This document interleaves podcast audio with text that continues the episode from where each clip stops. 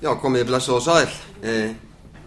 það er verulega gaman að sjá svona mörg kunnulega andlit hérna í salnum og, og líka önnur sem ég þekki ekki, þannig að þetta verður vonandi mjög skemmtilegu klukkutími. E, ég var mjög undrandi þegar að Salfur og aðrir ástöfnuhaldarar tilkynntu mér að þetta haldar ástöfnun á þessu ári. E, það er venjan svo í siðfræðstofnun að haldar ástöfnu þegar heimsbyggingar eiga stóramæli. Ég svona fór að aðtjóðaði ártalið og já, ég held ég eigi ekki stóramæli fyrir neitt einn tvö ár. Ég fekk skýringuna reyndar nokkrum dögum setna þegar það kom frétt um það að það hefði verið upp, grafið upp fæðingavottor Doris Day, leikonu og það hefði komið í ljósa, hún er raunar tveimur árum eldri heldur en að hún hefði gefið út fyrir, út fyrir að vera þannig að ég efa ekki að Salfur hefur grafið upp fæðingavottor mitt og ég er umvölu að tveimur árum eldri heldur en ég held sem að út af fyrir sig kannski er ekki mjög góð frétt en En allavega hver sem ástæðan er þá hérna, er ég mjög þakklátur e, þeim sem hafa skipulagt þetta og ég ætla að reyna núna á klukkutíma, vonandi ekki alveg klukkutíma því ég, ég vona að ég skilji eftir nokkra mínútu fyrir spurningar, að fara yfir stormin í Jubilee Center og hvað ég hef verið að gera síðustu ára og líka hvernig það tengist því sem ég var að gera áður á Íslandi. E, og þetta verður mjög hröð yfirferð meiri svona á uh, breytina heldur en dýftina vegna sem ég, ég vil að þið fáið til tullega uh, víða sín á það sem ég hef verið að fást við sem er reyndar mjög, mjö margt og, og fjölbreytilegt. Uh, þannig að ég ætla að skipta þessi þrjá megin bálka. Í fyrsta lagi ætla ég að ræða aðeins um þrjú rannsóknarverkefni sérstaklega sem ég hef sem ég hef verið að leiða stór rannsóknarteimi, þetta er svona empirísk verkefni með heimspekilegan samt sem áður bakgrunn eitt um siðfyrirstróska úrlinga, annað um þakklæti og þriðja um siðfræði starfstjætta síðan ætla ég að ræða meira um það sem ég hef verið að gera sjálfur það bækur sem ég hef verið að skrifa og svona, svona heimspekki heimspekki skrif mín frá 2012 og ég hef ræða um aristotelska deyðafræði og mannkostamentum og sem ég gaf út bókum 2015 Aristotelian Character Education. Ég mun líka ræða aðeins um fjandvináttu mína við jákvæða sálfræði. Bókina sem ég gaf 2013 og svo segja ykkur aðeins svo tveimur næstu bókum. E, takk ég eftir orðinu mannkostamentum þarna sem þýðinga á Character Education. Ég hafði reynda til skamstíma að haldi mig við þýðingu Erlu Kristjáns. Það var alltaf reynst mig vel í lífinu að halda mig við það sem að Erla Kristjáns stingur upp á og það er, það er mjög góð rauk fyrir að víkja frá því á einhvern nátt e, að hún hafði held ég venjulega þýtt Character Education sem skapgerðarmentur en skapgerð er ekki sérlega hempileg þýðinga á karakter á íslensku vegna þess að Íslinga gera yfirleitt ekki greinamun á skapgerð og, og persónuleika þannig að ég held að mannkostamentum kannski ná í Character Education einna best á, á íslensku. Samþykju það. Já, ok, búið samþykki frá Erlu þannig að hérna, það, það er mjög gott e, og svo ætla ég að ljúka sagt, með því að ræða aðeins um e, hver svona þróun hefur verið í hugsuminni frá, frá 2012 og hvernig það sem ég hefur verið að gera síðustu ár hefur haft áhrif á það sem ég var að gera á Íslandi áður. Og eins og segi ég þarf að fara tiltölu hratt yfir sögu til ég komist yfir allt sem ég ætla að segja ykkur. E, aðeins um stopnunina reynda e, var Tom búinn að segja ykkur tölvöld mikið um hana. Þetta er sem stopnum með 300 miljón króna ásveldu cirka 25 starfsmenn í háskólanum í Birmingham hefur vakið mikla aðtikli í, í bresku þjóðlífi verið mjög áberandi í fjölmiðlum og það var mjög reynda vandrarlegt þegar Birmingham háskóli velunnið okkar með því að setja upp stort plakat af okkur á hérna, í neðjaralestunum í, í London þannig að sjá sjálfan sík hvað skilt sem að fólk tók neðjaralest var svona ekki mjög sérstaklega hey, ánægilegt en sem betur ferðin að búið að taka þessi plakat niður það er mikill áhugi hjá skólamönnum og embatismönnum og stjórnmálamönnum á því sem við erum að gera og kom mér tölvört á óvart vegna þess að ég átti vona á því þegar ég tók við þessu starfi að ég er að eigða tölverðum hluta af orkuminni í að réttlæta þessi hugtök, digð og, og mannkostir og, og mannkostamentum fyrir stjórnmálamönnum eins og ég veit að ég hefði orðið að gera í bandaríkjunum þar sem þessi hugtök hafa miklu, hafa alltaf nú blæbriði heldur en í Breitlandi, í bandaríkjunum hafa mörg þessi hugtök blæbriði sem að tengjast svona hægri pólitík og republikana flokknum og jafnvel tebósreifingunni e, áttur á móti í Breitlandi er saga hugtakana digð og, og, og karakter allt önnur. E, hann voru ekki hann alveg aftur til skosku upplýsingarinnar og Robert Owens hún hefur verið miklu meira tengst vinstri mennsku í pólitík og var lengst af svona stefnumál verkamannaflokksins miklu frekar heldur en íhaldsflokksins. En núna er einn lengi munur þar á þannig að þrýst dæstu flokkarnar í Breitlandi e, hafa allir gert character education að svona e, stórum áhrif að þætti í mentapólitík sinni og núna er þetta einn af fimm þáttum e, mentamála í, í, í Breitlandi hvort sem að það breytist með nýri ríkistjórn eða ekki Hins vegar hef ég lendi í, í, í baráttu við stjórnmálamenn og embættismenn sem er einlega önnur baráttu heldur en ég hefði lendi í bandaríkjunum og ég kem að því á eftir þar að segja skilningur breskra embættismanna og stjórnmálamanna á því hvað karakter er er, er mjög, mjög, mjög þraungur oft á tíð. E, hér eru nokkri hlekkir sem að kannski einhver ykkar hefði áhuga á að, að smetla á. Ég ef þið hafið áhuga á að fá þetta glæru sjóð þá bara sendið þið með tölvupóst eða sendið salvöru tölvupóst. Og ég skal senda ykkur þá glæru sjóð þá getið þið klikka beint á þessa hlekki. Við gerðum mjög held ég e, svona aðgengilega fræðslumynd um skilningu okkar á hugtakinu karakter sem heitir að question of character sem er aðgengilega á YouTube. E, svo eru tvær, tveir næstu, næstu hlekkir eru um skólan e, sem við stopnum í á kampusnum í Birmingham. Það var ótrúlega ánægilegt tækifæri sem við fengum þegar að háskólinn í Birmingham gaf okkur tækifæri til að opna úlinga og mentaskóla byggði þannig á okkar hugmyndafræði. Þarna þetta er skóli fyrir krakka á, aldrinum 11 til 18 ára, þetta er ekki enga skóli þetta er ríkiskóli e, mjög vinsall í Birmingham reynda vinsallasti skólin gríðarlega langur bygglisti af krökkun sem vilja komast inn og það er ekki sér valið inn í hann bara út frá einhvernum heldur reynum við að láta hann endur speikla fjölbreytileika e, Birmingham borgar. Þannig að það er mikið þarna af krökkum með úr muslimakverfum og líka úr svona lástjættar kvítum hverfum í Birmingham og mikið af börnum líka með skilgreindar fatlanir í þessum skóla. Þannig að þetta er mjög sérkynlega skóli en hann byggist allar í kringum e, mannkosti og karakter og spennandi, spennandi viðfóngsefni en líka mjög viðkvæmt vegna að segja að þessi skóli gengur ekki upp þar að segja ef að mannkostamentum gengur ekki í þessum skóla sem er skipulaða frá grunni sem mannkostaskóli arkitektúrin og allt alveg frá upphafi ráningin á kennurum inn í hann og svo framvegist þá náttúrulega er það ekki góð frétt fyrir mannkostamentum en við þurfum að býði nokkur ár til sjá hvað hva gerist. Eða Fyrir nokkurum vikum helt Theresa May fórsætsaðra fund með helstu rektorum háskóla í Breitlandi og kvarti á til þess að stopna svona skóla eins og við hefum gert en reynda lagði hún til að þeir tækju yfir einhvern skóla sem að vera að standa sér mjög illa í, í, þeirra, í þeirra kjördæmi og, og breytt honum í, í karakterskóla. Það held ég sem miklu erfiðara verkefni að taka skóla sem á langa sögu að baki og breyta honum. Okkar verkefni var auðveldara vegna þess að við fengum að byggja skóla algjörlega frá grunni. Nú síðan er þarna hlekki líka á námið sem að Tom var að nefna við ykkur sem við erum að taka inn núna annan árgangin á nefnendum í M að námi í Character Education sem er algjörlega vefmiðað e, og ég hef saknað þess að sjá engan Íslanding en þá skrá sig í þetta nám. Hann er ennþá opið ef einhver hefur áhuga á því að, að, að skrá sig e, þá er ennþá opið fyrir umsóknir. Og síðan bend ég líka hérna í lokin á næstu ráðstefnu sem við höldum. Við höldum árlega ráðstefnu, stóra ráðstefnu í Oxford í janúar á hverju ári og alltaf með einhvern þema sem að tengist mannkostum eða digðum á einhvern nátt og næsta rástefna er um pólitískar digður eða, eða digður á pólitískum vettfangi og það er opið fyrir eh, umsóknir í þá rástefnu fram til 1. júli þannig að einhver hefur áhuga að senda inn, inn e,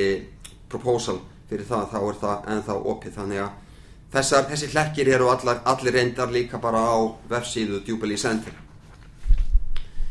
Nú, e, fyrir utan þetta, þessa vinnu sem við höfum verið að vinna í Breitlandi þá höfum við verið í samvinnu við mjög marg, mörg ráneiti og háskóla út um allan heim. Hérna er listi yfir 15 lönd sem er ekki tæmandi, við höfum unni með ráneitum í yfir 20 löndum og við getum bara sendt brota broti af þeim óskun sem við fáum frá, frá aðilum um að koma og hjálpa þeim að byggja upp mannkostamentum eða gera eitthvað annað eins og það er vennilega orðað í skólum heldur en gert er núna. Það er mjög mikil, mikil óanæg, mjög mikil ósátt í mörgum skólum út um allan heim á þess að ofur áhersla á písa eh, einhvernir og skólanir vilja gera eitthvað eitthva annað, að fóreldra vilja eitthvað annað og meira en það er oft ekki ljós nákvæmlega hvað þeir vilja en þeir halda við höfum svörin og vilja fá okkur til að hjálpa þeim. Uh, og þar að auki þá höfum við uh, bóðið til okkar uh, sérfræðingum, heimsfræðingum sérfræðingum að dvelja hjá okkur í vikuða hálfa mánuð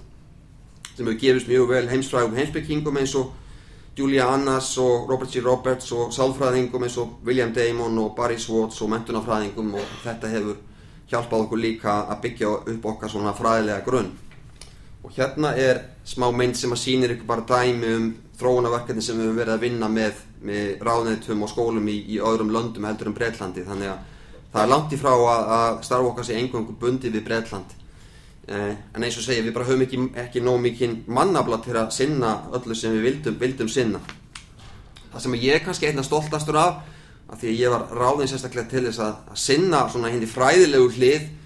Vinnunar í, í stofnuninni er svo staðareinda síðan 2012 höfum við byrt yfir 100 reytrindra greinar í, í tímaritum og átt aðild að eða, eða byrt kapla í yfir 40 bókum að líka, líka og þið getið fundið þetta allt saman inn á VF Jubilee Center vegna þess að eins og við vitum hafa áhrif í akademíunni þá er ekki nóg að gefa út einhverja fallega skýslur og vinna einhver þróunaverkefni í skólum að það sem að akademían spyrum eru reytrindra greinar í virtum tímaritum og við hefum reynd að gera sem mest af því líka og e, allar skýslunar um verkefni okkar eru aðgengilegar á pdf formi og hægt að hlaða niður af e, vefsíðu Jubilee Center. Hérna eru nokkra skýslu sem við gáum út 2014 til 2015 e, við erum að ljúka tíu öðrum verkefni núna í haust þannig að koma e, tíu nýja skýslur út í, í haust. En ég get ekki sagt eitthvað mikið um þau verkefni ennþá því að það er ennþá í gangi úrvinnsla af, af gögnum en ég mun ræða hérna á eftir um, um neyðustöður og nokkur um þessum skýslum sem að þarna er mynd af.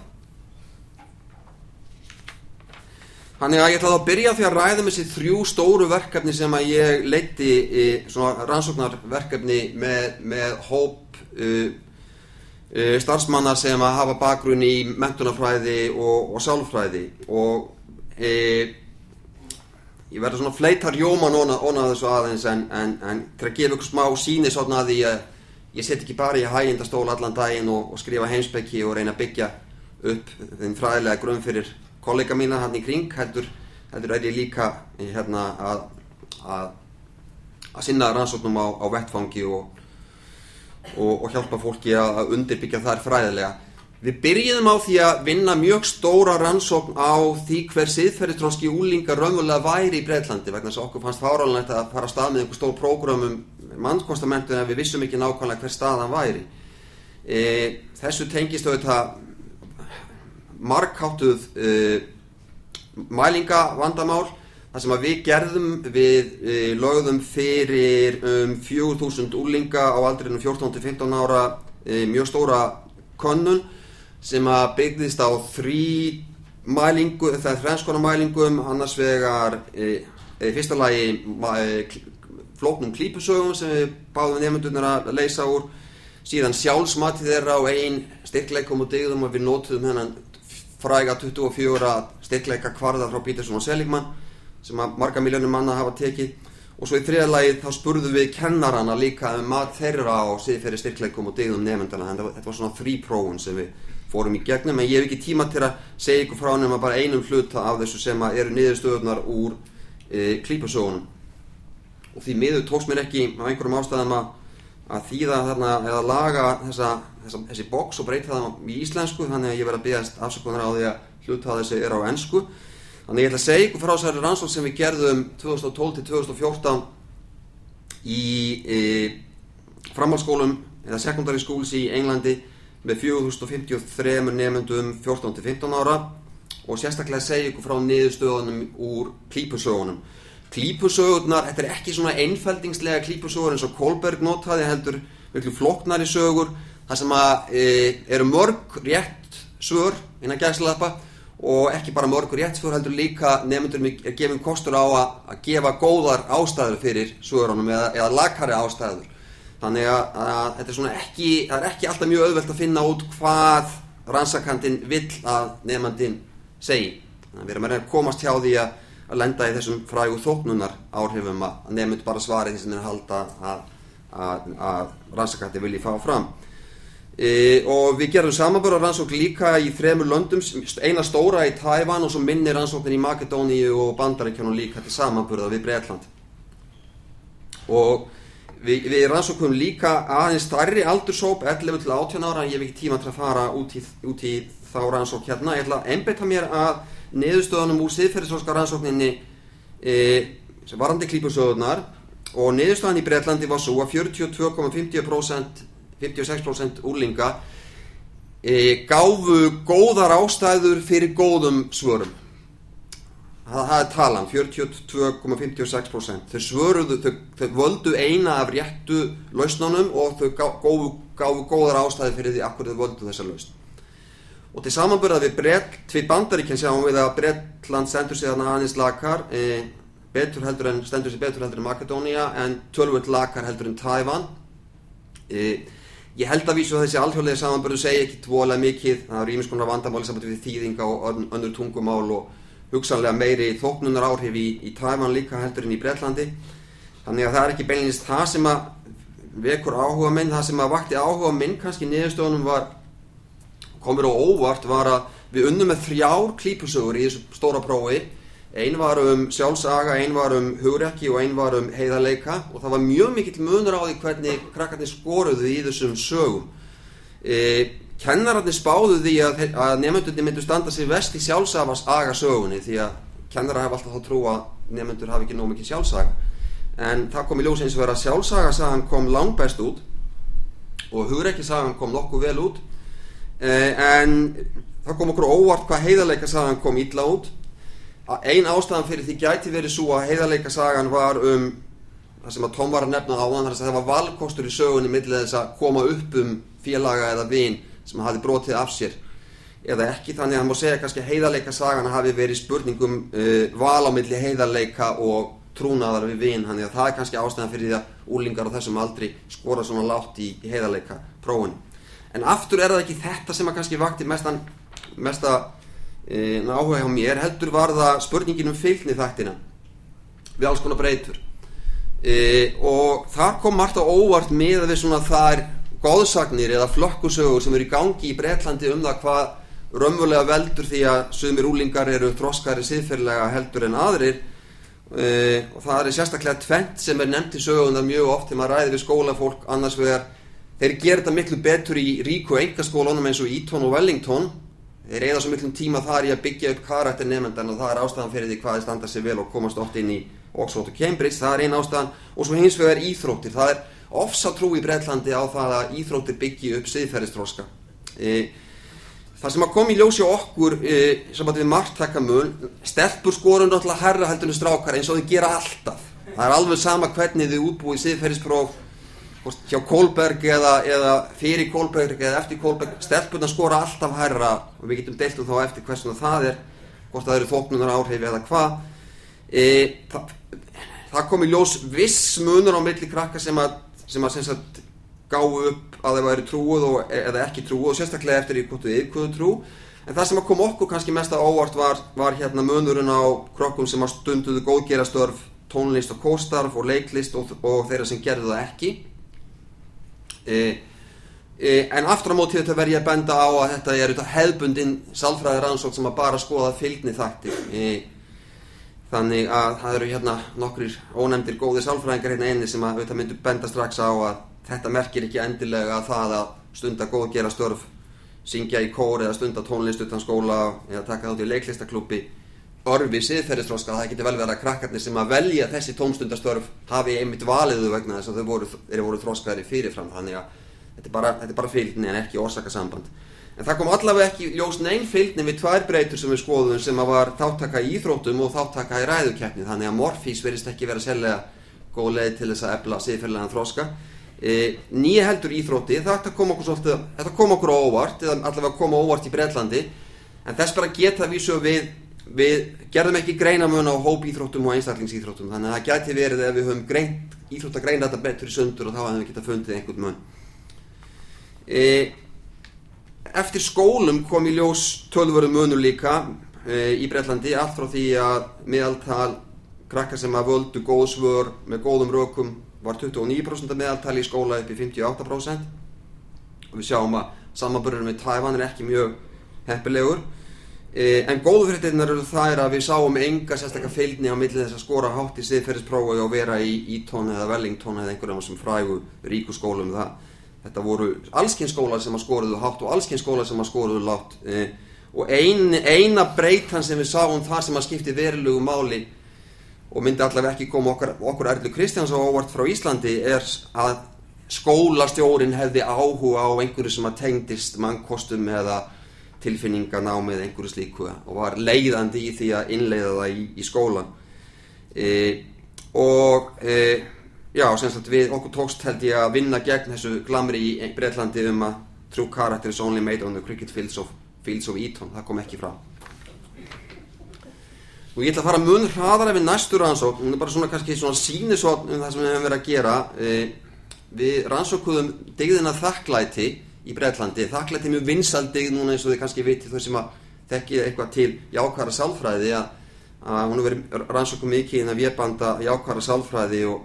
verið tækt að ná ótrúlum árangur með því að skrifa niður á maður fyrir að sofa þrjá hluti sem maður er þakkláttu fyrir þann daginn til að efla lífsamingju og allt gott um það. Okkur langaði til að skoða hins vegar þakklæti sem digð, ekki bara sem tilfinningu. Uh, og það hefur ekki verið gert mikið í, í sálfræði, nánast ekki neitt. Uh, við fórum í gegnum rosalega erfitt ferli uh, og ég veit það eru einn eða tvei sálfræðingar hérna inni sem að, sem að þekkja hversu erfitt það ferli er sem að er þróun á mælitæki alvöru þróun á mælitæki í sálfræði tekur þrjú til fjögur ára að gera. Um, við unnum með stór, stórt úrtak aftur og aftur þáttagreining og konformatóri konformatóri faktor analysis ég veit ekki eins og hvað heitir á íslensku. E, og vorum með á endanum úrtak 2500 manns úr svona e, dreift yfir, yfir, yfir brest samfélag og það sem við gerðum og það er svona hugmyndi sem vil koma á framfæri við ykkur var það að, að við byggum til mælitæki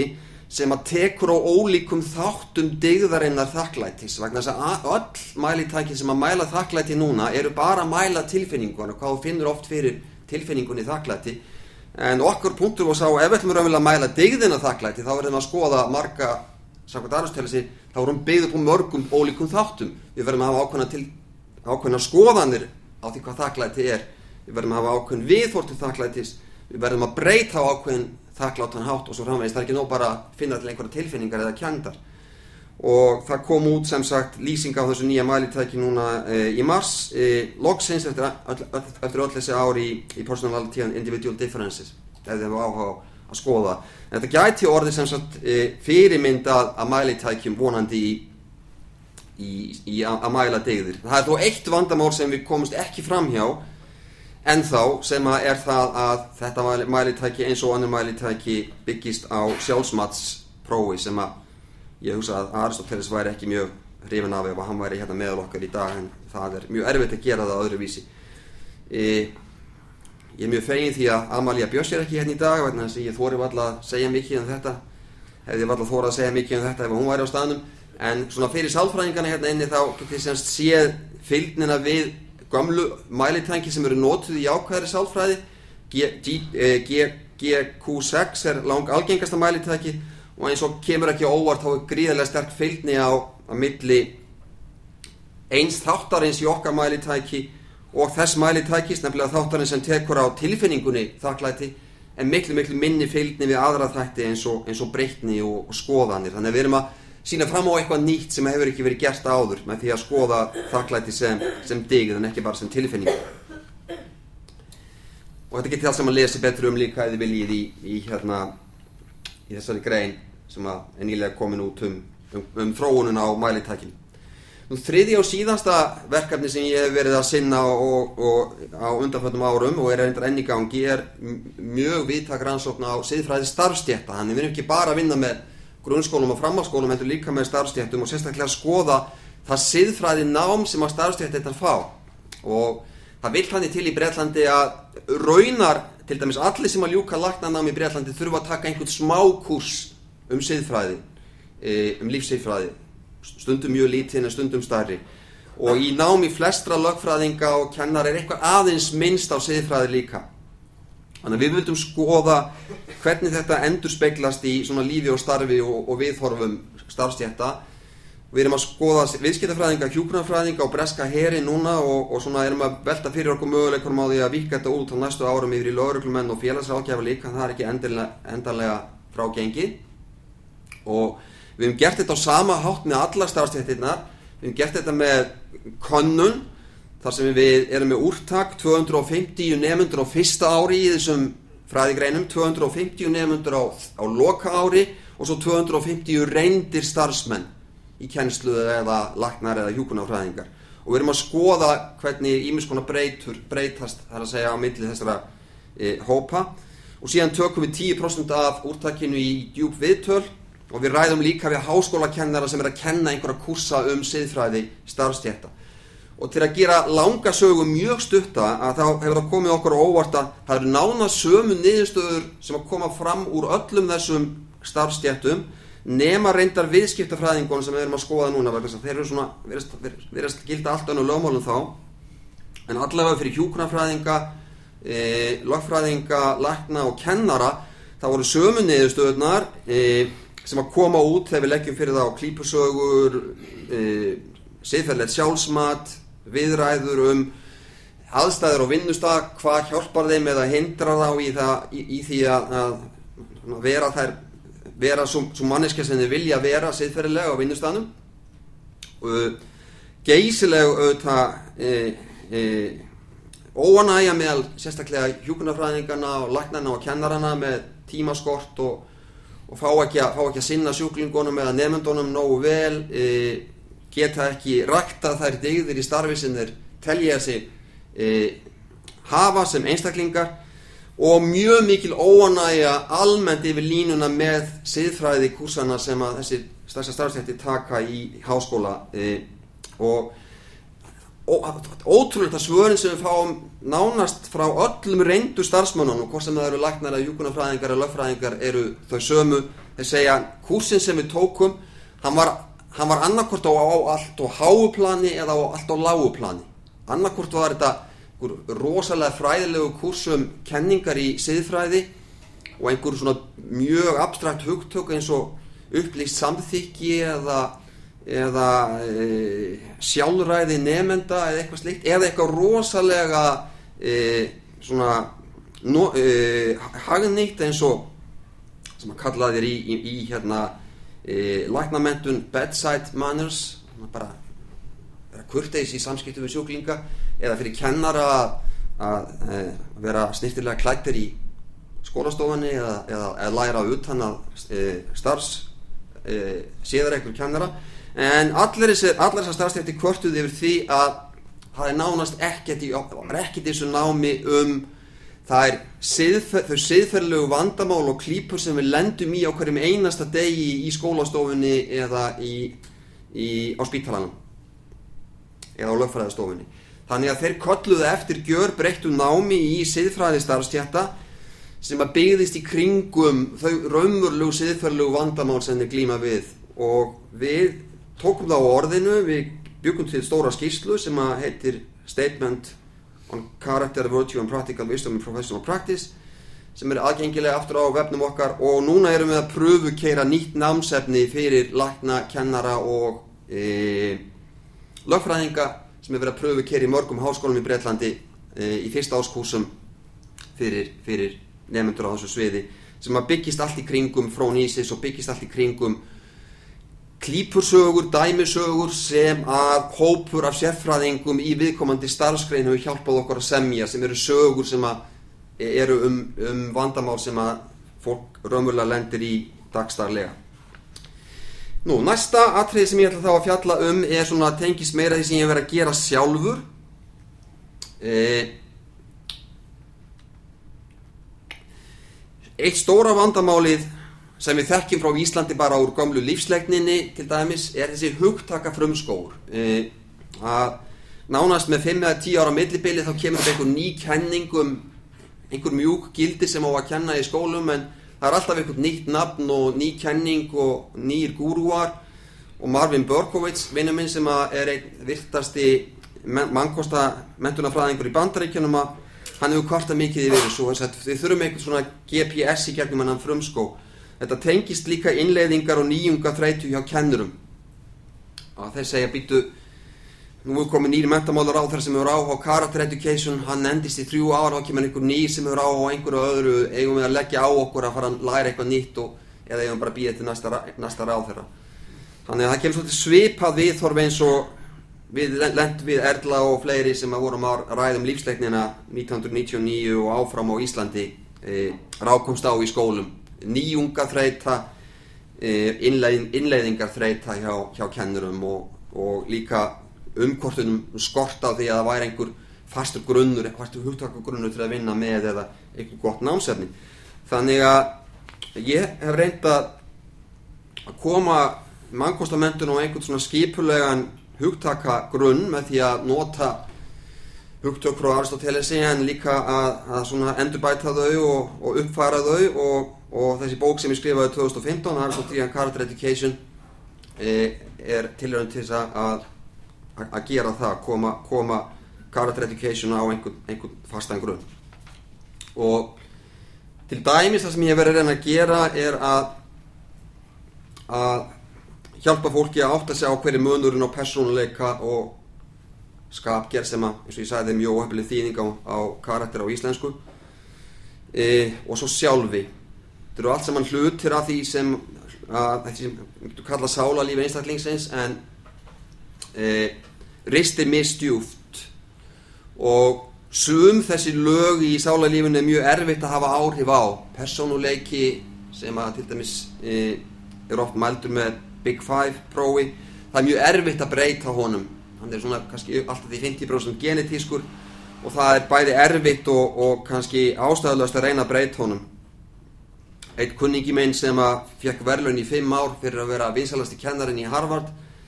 Brian Little eh, hann var svo vinsætt vegna þess að hann var svo útkverfur og skemmtilegur og lifandi og, en hann er eins og er einn innkverfasti náðum sín nokk tíma kynst hún tókst að leika útkverfan kennara í 5 ár e, fekk velum fyrir það. En hún leið svo illa eftir hvert tíma hann bara að fara inn á klósettið og, og fela sig bara til þess að ná sér niður. Og þetta endaði með því hann fikk magasár og alls konar bakverki og,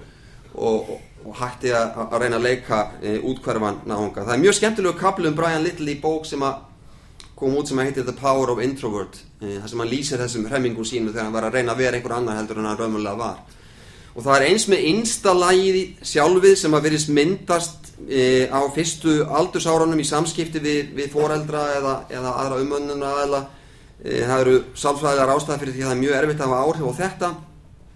sálfræðingar eins og William Swan hafa, hafa gefið okkur skýringa á því hvers vegna rótæk sjálfskvorf eru svona sjálfgæð en það er eins og að millilag sem að það sem er þetta, karakterlag sem að tengist e, persónuleika engjörnum sem að lúta rökum sem að eru ræktanlega eða breytanleg og sem að gefa einstaklingum siðferðilegt gildi. Það er, það er það sem við erum að reyna að benda á að sé hægt að hafa áhrif á í, í uppeldi og, og mentun og ég hefur líka verið að reyna að koma svona á fastan fót einhvers konar skema sem að sínir sambandið á milli almennar gildakenslu í skólum sem að getur verið um allskynnsgildi trúaleg gildi, listræn gildi umhverfisgildi eh, og síðan um siðferðiskenslu sem er svona hlutmengi gildakenslu og svo aftur um mannkostamentununa sem er þá hlutmengi eða tiltekinn tegund af siðferðis e, kjænslu sem að sérstaklega beinist að, að e, því að rækta upp skapgerð eða karakter hjá, hjá krökkum og e, það eru viss, vissar röglegar og sögulegar ástæðar fyrir því og þróskafræðilegar ástæðar fyrir því að það er kannski best að byrja, byrja siðferðismentununa þar þó ég sé alls ekki að segja að mannkostamentunum sé, sé, sé nægileg út af fyrir sig ef við ætlum að leysa öllum vandamálinn í heiminum. Nú, þegar ég saði ykkur upphafi að ég hafa ekki lendið þeim átökur sem ég átti vona á í Breitlandi við að reyna að réttlæta það sem við erum að gera e, að það sé ekki byggt á einhverjum e, svona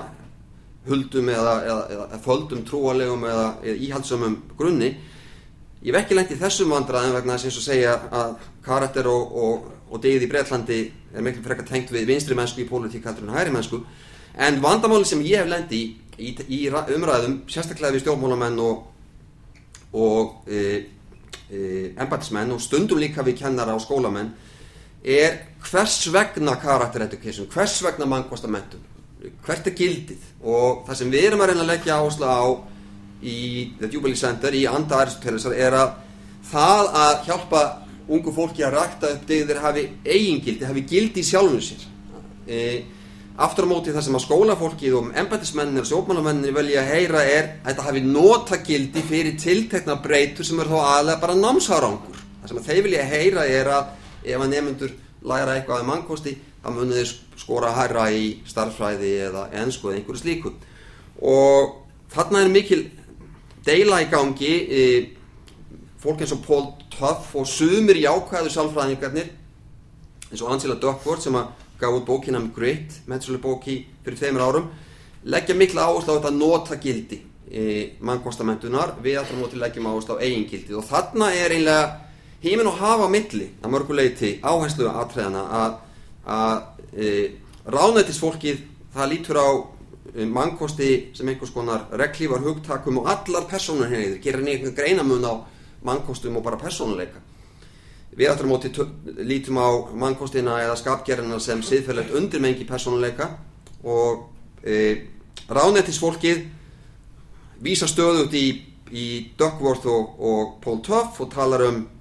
það sem mestumáli skiptir sér segla og trú á eigin getu. Við segjum segla og trú á eigin getu er góð út af fyrir sig en hún getur haft neikvæðar afleðingar ef við erum að byggja upp seglu og trú og eigin getu hjá fólki sem hefur engar siðferðilegan kompás þannig að við verðum að, að rækta siðferðilegu diðirnar kannski umfram allt. Það er líka mjög skrítið að það er engin áherslu í ákvæðu sálfræðinni eða í þessum svona ránetti sögumundum um neina yfirdig til að skera úr um hvað að gera þegar ólíka digðir rekast á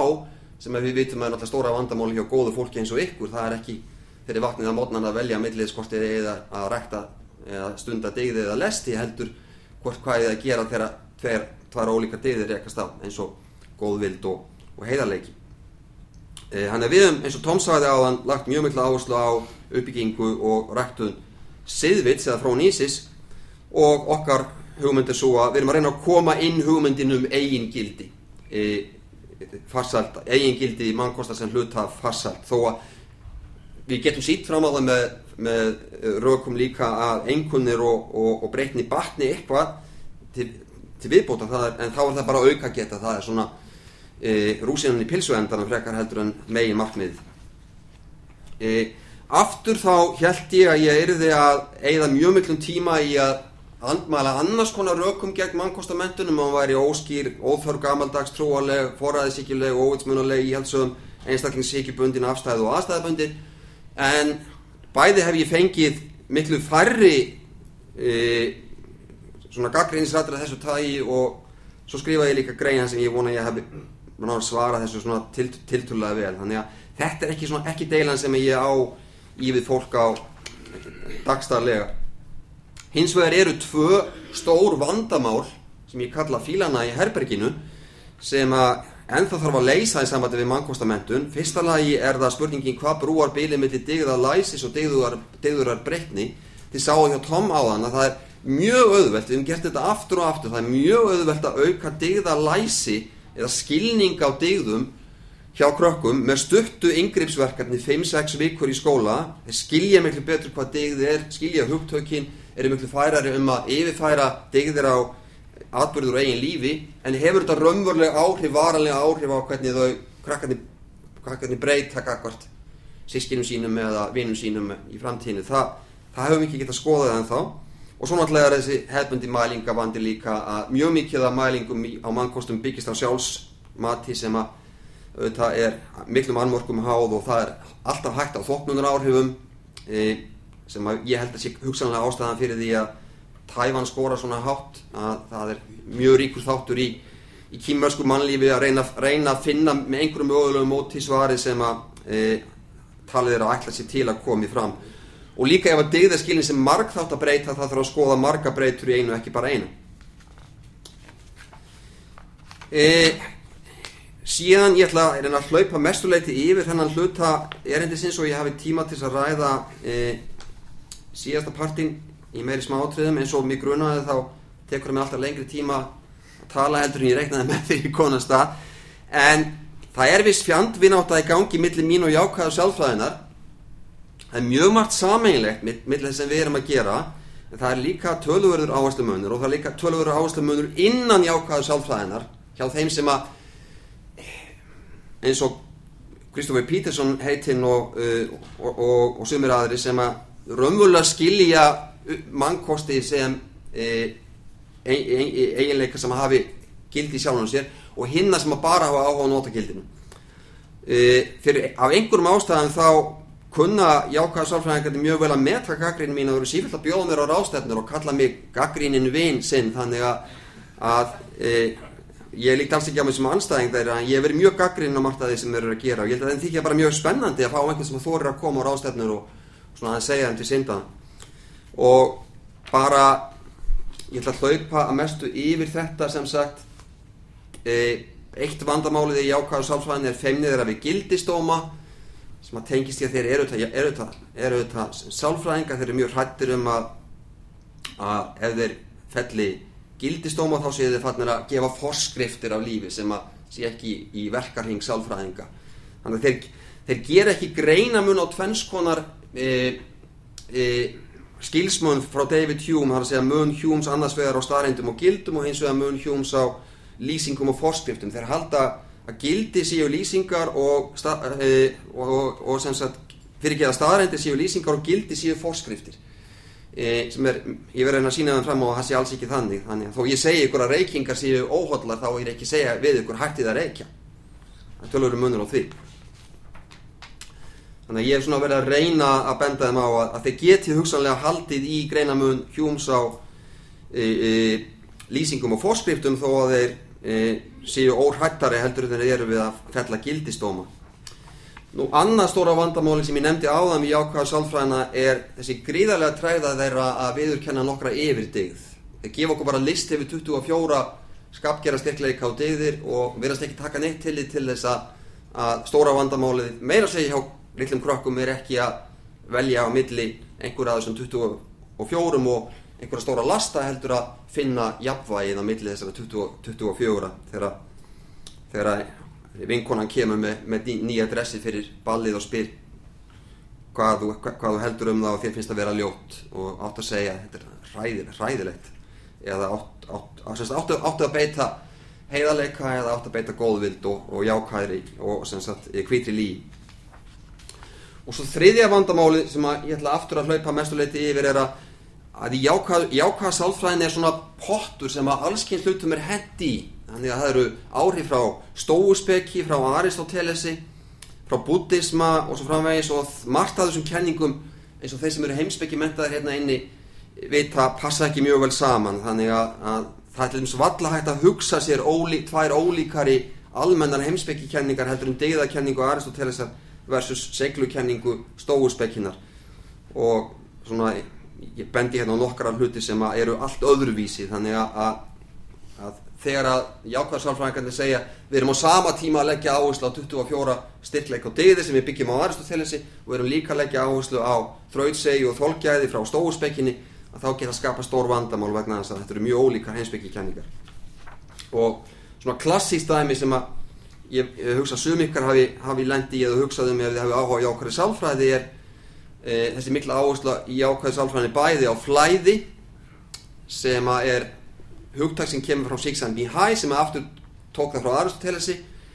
e, og svo aftur núvitund sem að er svona, buddhist hugtak. E, það þarf ekki að velta vöngum lengi yfir þessu til að átta sig á því að það er ekki hægt að vera í flæðis ástandi og núvitundur ástandi á sama tíma því að núvitundin beinist öll inn á við en flæðið beinist að að reyna að gleima sjálfum sér og vera svo niðursokkin í einhver spennandi verkefni að maður hugsaði ekkert um sjálfum hansi nú það eru til svör við þessu eins og þau að maður þurfi ekki að gera svona æfingar á sama tíma. Eitt kennari sem ég þekki í Breitlandi hann segist setja nefnendur í núvitundur æfingu þegar þeir koma á mótnana og eru æstir þeir að róða á neður í tíu mínútur og síðan fara, fara hann að reyna að kenna þeim hluti sem að komið þeim í flæði. Þannig að Ég er svona verið að benda jákvæðarsalfræðingum á að, að það sé margt í kenningunni sem að hugsanlega stangist á innbyrðis. Engu að síður þá sem dýða siðfræðingu sem trúur því að allt siðferði sé á endanum réttláttænlegt á grunni reynslu sanninda þá haf ég reynd að forðast að vera eins og Statler og Waldorf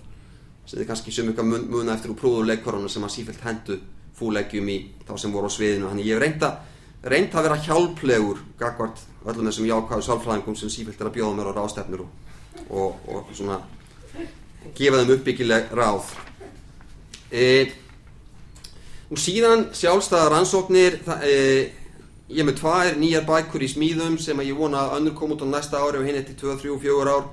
Og þú sem er tilbúin í handriti er um svona siðferðilega tilfinningar þar sem ég set fram samstæða nýjar og þríska kenningu um eðli degðura tilfinninga og beiti henni á tilfinninga sem Aristoteles ræðir ekki sjálfur eins og þakklæti, lotningu og, og meðöngun og þetta verður að mestu hrein heimsbyggi bók og bókið þar á eftir verður svo frekar meira skóla, skóla miðuð um um farsælt sem markmið mentunar. Þegar ég segi sjálfstæðar rannsóknir þá vil ég þó taka það fram að, að þetta er ekki bara rannsóknir sem ég stunda algjörlega með því að loka dýrónum og setja í hægindastól. Ég, ég á í sífældum samskiptum við mentunarfræðingana og sálfræðingana í kringum mig og, og reyni að byggja heimsbyggina upp með, með því að vinna líka úr nýjustu rannsóknum á, á þeim sviðum. Ég ætla svo að ljúka þessu e, með því aðeins að ræða við ykkur, sérstaklega þau ykkur sem að þekkja svona þá heimsbyggi sem ég skrifaði á íslensku sérstaklega fyrir 2012 um hvað hefur, hvað hefur gæst og hvað hefur þróast, hvað, hvað er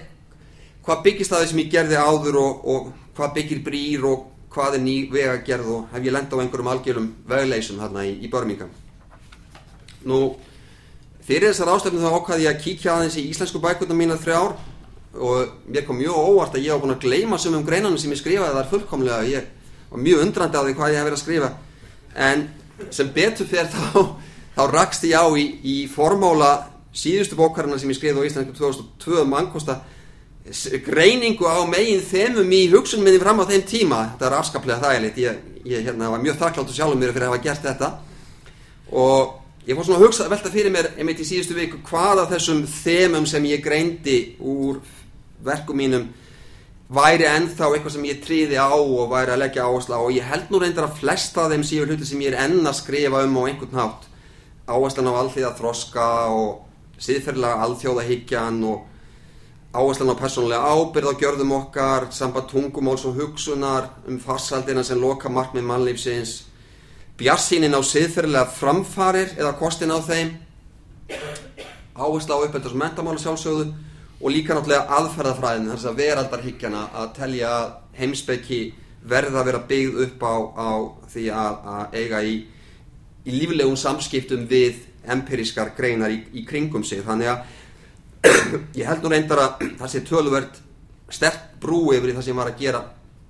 fyrir, 2000, fyrir 2012 í því sem ég skrifaði á íslensku e, fyrir þann tíma. Og sumt af þessum þemum útskýri líka margt að sem ég var að skrifa. Það er að siðferðilega alþjóðahyggjan annars vegar og hins vegar bjarsýnin og siðferðilega framfarir var í raun og veru grundurinn að, að hérna, þessum allrenda greinaflokki sem ég skrifaði um postmodernism á sínum tíma. Þannig að það var ekkert volað flok, mikið floknara heldur en það. Þó að reynda svo, þau greinaskrif yrðu miklu afdrifaríkari heldur en að mig grunað á sínum tíma. Nú svo er eitt sem að hérna, ég heyr alltaf á Íslandi um það að ég sé nýttjastefnum aður, það myndi örgulega koma mörgum og óvart kollegum mínum og vinum í ellendis ef ég væri kallaður utilitarian vegna þess að það sem ég verið að stunda er náttúrulega í 90% einhvers konar degðafræði í anda Aristotelesar e, ég held samt sem áður að enn þann dag í dag þá hafi ég miklu jákvæðar að viðhorga hvart nýttjastefnu heldur en margir degðafræðingar og þá á ég við nýttistefnu af tægi John Stuart Mills frekar heldur en Benthams og það glemdist líka oft á tíðum á Íslandi að ég sagði reyndar í lokin á þessari umdeldu grein sem alltaf var vitnað í þróskakostum um nýttjastefnuna að ég skilgreindi sjálf á mig ekki sem reyndiræktaðan nýttjastefnumann en, en það hefur ekki beinleinis verið lögð áherslu á það í, í svona gaggríninni á mig hérna heima. Ég er enn á þeirri skoðun að þessi frægu vandamál Berners Williams heilindavandin og blóravandin á nýttjastefnu séu byggist á miskilingi ég bendi líka aftur og aftur á það að Aristóteles segir berum orðum að það er degðir séu mikilvægasta sem að gagnast flestum. Þannig að það er svona viss hei, einhvers konar nýttja hugsun undir, undirliggjandi hjá hann líka. Og ég, held, ég skil heldur ekki hvernig stó, starstu vandamálin sem að mann kynni glými við eins og hlínun jarðar eða hriðjuverka og ólýst milli ríkja vandamál verða leist með, með digðafræðum einum saman. Ég held að við þurfum stundum og einhvers konar kostnæðar og nýttjareikningi að halda. En þetta er alls ekki skoðun sem að ég er einn um meðal digðafræðinga og til dæmis frægasti digðafræðingur nútímans. Dan Russell skrifaði afar fína grein sem að heitir What Virtue Ethics Can Learn from Utilitarianism. Ég held hins vegar að Aristoteles digðafræði séu alltaf fyrsti kosturinn. Ég held að þau nýtist mjög vel til að leysa vandamáli sem við stöndum fyrir dagstælega í fjölskyldu, í skólastofu á spítala og svo framvegis e, og eins og ég segi, flestir elendi kollegar myndu koma algjörlega fjöllum ef að ég var í skilgreindu sem nýttistefnum maður e, með það sem ég er að skrifa núna. Nú, hvað hefur breyst frá 2012 auðvitað miklu meiri alþjóðlegu sínileiki, það er miklu meira vittnað í mig, ég er í alls konar ráðgjafanendum út um allan heim um alls konar verkefni, ég sá einhverstað á Google og ég var kallað one of the field's main movers and shakers sem stafar örgulega aðlega því að ég er skipulega þessar frægur ráðstefnur einu sinni og einu sinni á ári. E, ég er nýbúin að tek við í júli sem aðristjóri Journal of Moral Education. Og vona ég fá eitthvað að greinum frá Íslandi e, á því sviði. E, hann er að auðvitað sínileikinni miklu meiri en ég tekka sérstaklega fram að margt af þessum sínileika er algjört glópagull. Og e, e, margt af þessu einkennist það sem ég kalla eitthvað annað heilkennið. Það er að segja allar þessar öll þessi bóð um að koma til einhverja landa og gjöru bylta skólakerfinu og, og svo framvegis. Margt af þessu er, eru algjör pótemkín kjöld og bara eitt gott dæmi hérna er einhver hryllilegasta heimsók sem ég farið í sem var til Sáti Arabíu það sem að okkur var talin trúum það að mentamálar ánum til Sáti Arabíu var, var að taka var að gjöru bylta siðferðismendun vegna þess að þeir sögðu nú allt í nú höfum við 1,5 miljón fólks frá Filipsegjum í Sáti Arabíu sem að flesti kathólst og við getum ekki lengur kent bara hérna íslamsk hræði sem siðferðismendun í skólum. Við þurfum að byggja það á alþjóðahyggju. Og, og, hver er besta stofnun í heiminu til að stunda mannkostamentin á grunni alþjóðahyggju? Jubilee Center, fáum einhverja frá Jubilee Center til að skrifa undir, þannig að ég skrifaði undir í beitni útsendingu í Sáti-Arabiska sjónvarpinu einhverja, einhverja langa yfirlýsingu um það að Jubilee Center ætlaði að hjálpa stjórnvöldum í Sáti-Arabi að gjörbylta siðferðismentun í skólum, að sjálfsög kom ekkit út fyrir þessu, þetta var algjörlega bara fyrir, þetta var bara sjó fyrir fjölmiðla í Sáti-Arabi og við vorum að algjörum ginningafíblum, þannig að margt að þessu er á þessu tægi og líka eins og ég segi við förum til Singapúr eða, eða til Makedóníu og mætum á fund með kennurum og, og ránetinu og, og, og þeir segja við viljum eitthvað nýtt í skólum. Er, við erum ekki ánað með skólana eins og þeir eru. Hvað viljið þið? Já, hvað eru þið að gera? Get ekki gert, get ekki komið eitthvað nýtt inn í skólan þannig að þetta er, og svo náttúrulega vinnu minn þegar þú vilt mér eitthvað henkjænið að, að svo saga gengur í og er ekki algjörlega á raungum rökum reista að við höfum meiri peningum úr að spila heldur en flesta aðra stopnarnir á þessu sviði í heiminum. Við erum mjög vel fjármögnuð og það er eina ástæðan heldur líka fyrir þess að margi vilja ná sambandi við okkur vilja, vilja svona ná í eitthvað af e, mólunum sem falla af, af borðunum. Þannig að margt að þessu er nú því miður ekki mjög uppbyggilegt. E, það sem hefur breyst líka hjá mér er að það, ég er miklu hófstiltari e, og meiri mannasættir heldur en ég var. E, mér er mikið hægt úti fyrir það núna ég ég sé sáttahyggjum maður og mikil mannasættir og það kannski var ekki það orð sem fóra mig sérstaklega á Íslandi. Ég kannski er orðið meiri Páll Skúlason heldur en Þorstein Gilvason svona sí, síðari árum. E, hver er ástæðan fyrir þessu? Aldur reynsla hugsalega bara minni, minni hormónar. E, ég hef líka eins og ég sagði gráðan sloppi við árási. Þar að segja ég sloppi margt af þeim harfitúðu deilum sem ég lendi í, í Íslandi við fólk var vegna þess að ég fekk alveg miklu harkalega árásir á mér heldur en ég átti vona og þá svona mættist stál í stál til dæmis eh, greinaflokkurinn postmodernism að maður skrifaður í lesbók morgunblæðis þess að frekka góðlátlega góðlátlega gálgahúmórstíl en e,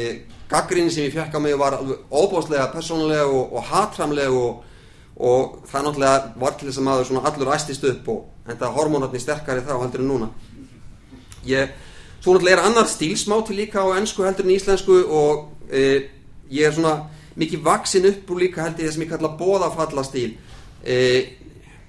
það vildi þannig til að,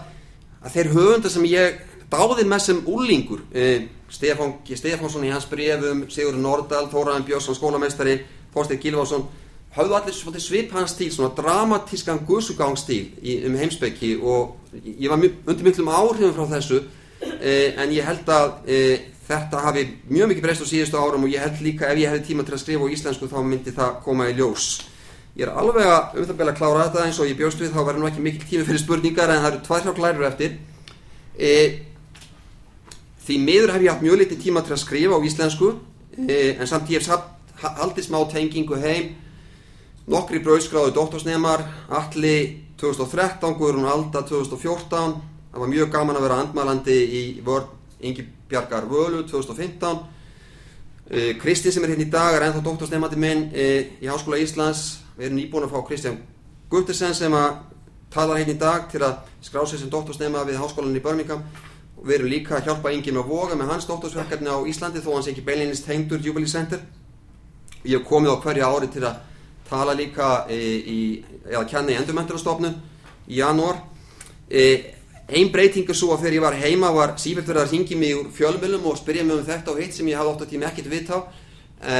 það hefur nánast algjörlega tekið fyrir það hefur engin áhuga á Íslandi verið af einhverjum ástæðum þángat bara allt innu núna fyrir þessar ástæðna og þess að við erum að gera í Jubilee Center og svo svolítið hissa á því reynda vegna þess að ég held að það sem ég er að gera núna sé hafi miklu víðar í skískotun heldur um átt að það sem ég var að gera áður. E, næst síðasta glæðaran e,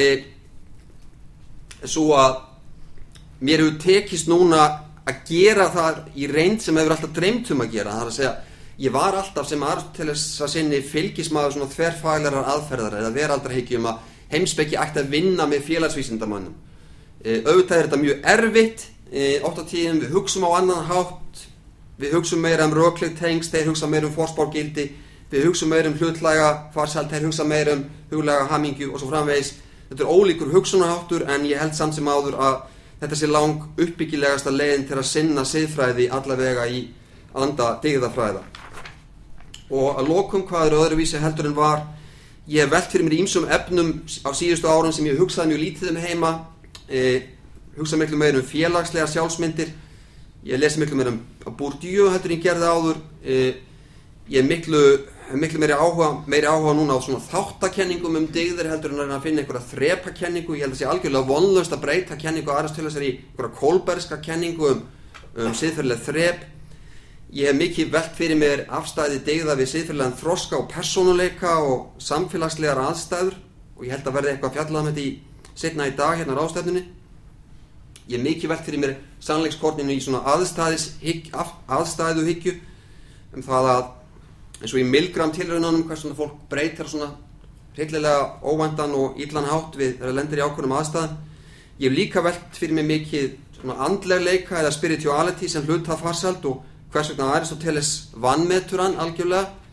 E, hann fjallar ekkert um degður eins og lotningu til dæmis vegna þess að hann er á harða hlaupum frá Platóni ég hef líka velt fyrir mig spurningunni hvers vegna rótæk siðferðileg sjálfskvörf eru svona sjálfgef og hvers vegna bæði Kolberg og Aristoteles nánast gera ráð fyrir að þessi útilókuð og ég hef líka rætt fyrir mér velt fyrir mér takmörkunum fyrirmyndafræðsli í skólum til, sem leiða til siðferðilega stróska hættun á hetjudýrkun uh, hættunni á uh, siðferðilegri tregðu og hættunni á siðferðilegri ofætlun þegar krakkar reyna að feta í fótspor einhverja, einhverja svona stjarnar sem eru kannski uh, miklu miklu á miklu hæra þróskastígi heldur en þau og getur haft slæmar afleðingar þannig að þið sjáu það semst, martaði sem ég hef verið að gera er vissulega tengti sem ég gerði áður en martaði líka, er, er líka nýtt og hefur fæst í, í aðrar áttir Nú, ég ætla að skilja eitthvað tíma fyrir spurningar en ég hugsi verði bara að fá að skilja þar eftir þanga til í, í hádeginu eða svona á milli, milli, milli erinda því miður. En ég er miklu málgjarnari heldur en ég hafi gert mig greið fyrir. Ég fæ svo sjaldan takifæri til að tala á íslensku að ég verði að fá að tala út, þannig að takk ykkur kjærlega fyrir.